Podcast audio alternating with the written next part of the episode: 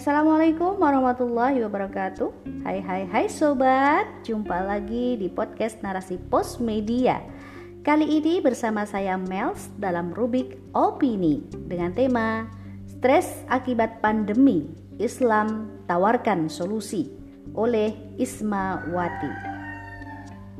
Di Indonesia, pandemi COVID-19 telah ada selama lebih dari satu tahun dari awal hingga hari ini 14 Agustus 2021 sudah tembus sebanyak 3,8 juta kasus orang yang terpapar virus ini. Berbagai upaya telah dilakukan pemerintah untuk menekan laju penyebaran virus, mulai dari PSBB, pembatasan sosial berskala besar, hingga PPKM, pemberlakuan pembatasan kegiatan masyarakat. Namun sayang, angka penyebarannya tidak kunjung melandai justru mengalami kenaikan hingga bertambah ribuan kasus per hari. Meski sudah berlangsung sekian lama, namun terpapar virus COVID seolah menjadi momok yang menakutkan bagi masyarakat. Saat awal penyebarannya, seseorang yang terpapar bagikan aib yang harus ditutupi. Pun dengan hari ini, masih ada warga yang stres akibat mengetahui dirinya terpapar COVID-19 yakni Suwarto 51 tahun warga desa Sukajaya kecamatan Sumber Harta Kabupaten Musirawas Mura nekat terjun ke dalam sumur sedalam 10 meter. Kejadian ini bermula saat Suwarto menderita sakit dengan gejala seperti COVID-19. Setelah sepekan di rumah, keluarga mengantarkan korban berobat ke puskesmas Sumber Harta. Setelah dirawat selama dua hari, korban memaksakan diri untuk pulang.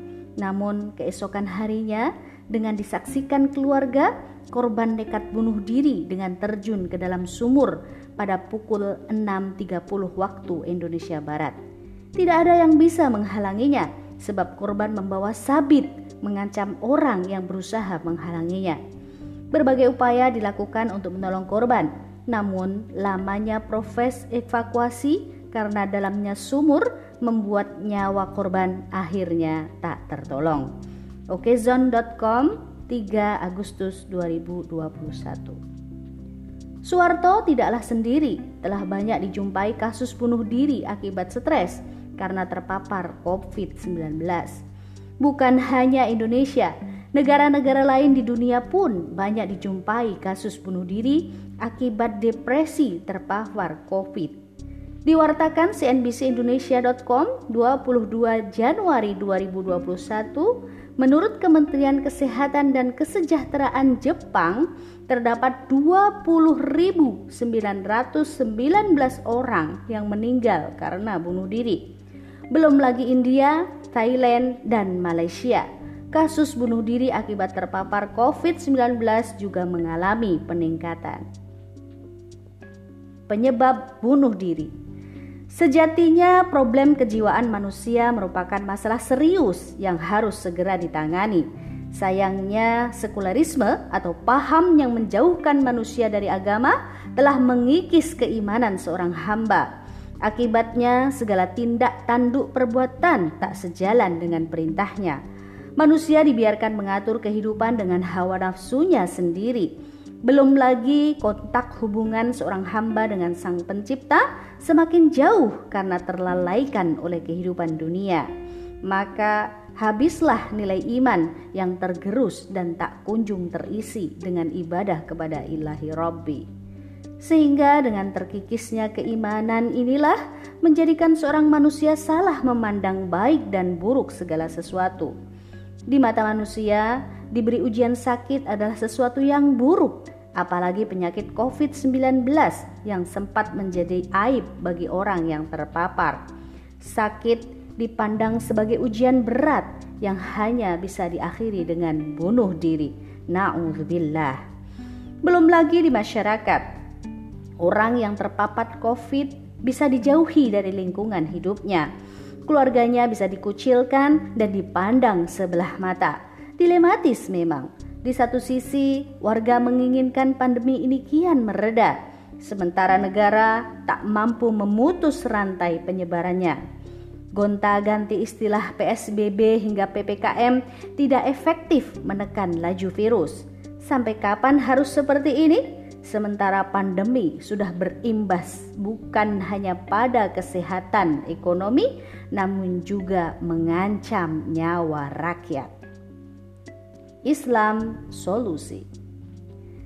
Di dalam Islam, pemimpin adalah orang yang senantiasa bertanggung jawab kepada rakyatnya, sebagaimana penuturan hadis Nabi Shallallahu Alaihi Wasallam.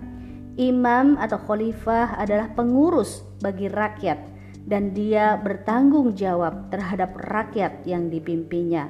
Hadis riwayat Bukhari. Abu Hurairah radhiyallahu anhu bahwa Nabi Shallallahu alaihi wasallam bersabda, sesungguhnya al-imam atau khalifah adalah perisai di mana orang-orang akan berperang di belakangnya dan berlindung dari musuh dengan kekuasaannya. Hadis riwayat mutafak alaih.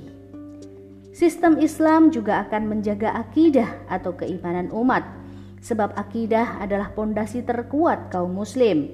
Keimanan dan ketakwaan inilah yang akan menjadi benteng penghalang manusia melakukan kemaksiatan.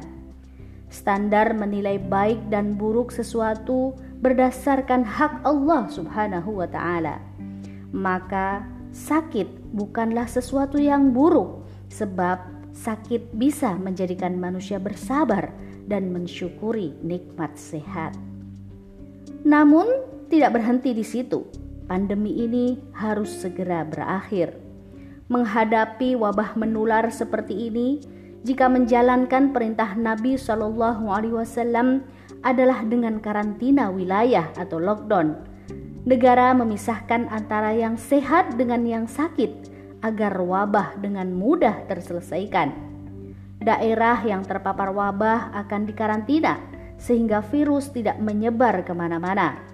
Wilayah yang diisolasi akan dijamin kebutuhan pokoknya oleh negara.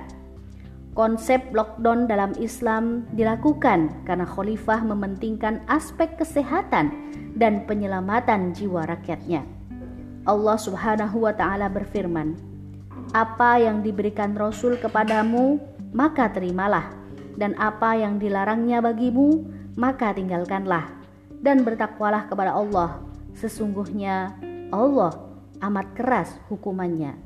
Terjemah Quran Surat Al-Hasyr ayat 7 Maka tidak boleh ada alasan lain kita harus segera mengambil solusi Islam dalam menanggulangi pandemi Sementara sistem kapitalisme demokrasi tak mampu menyelesaikan wabah yang berkepanjangan ini. Keberkahan hidup akan diraih sebab menjalankan syariat Islam dalam seluruh aspek kehidupan. Wallahu a'lam bishawab.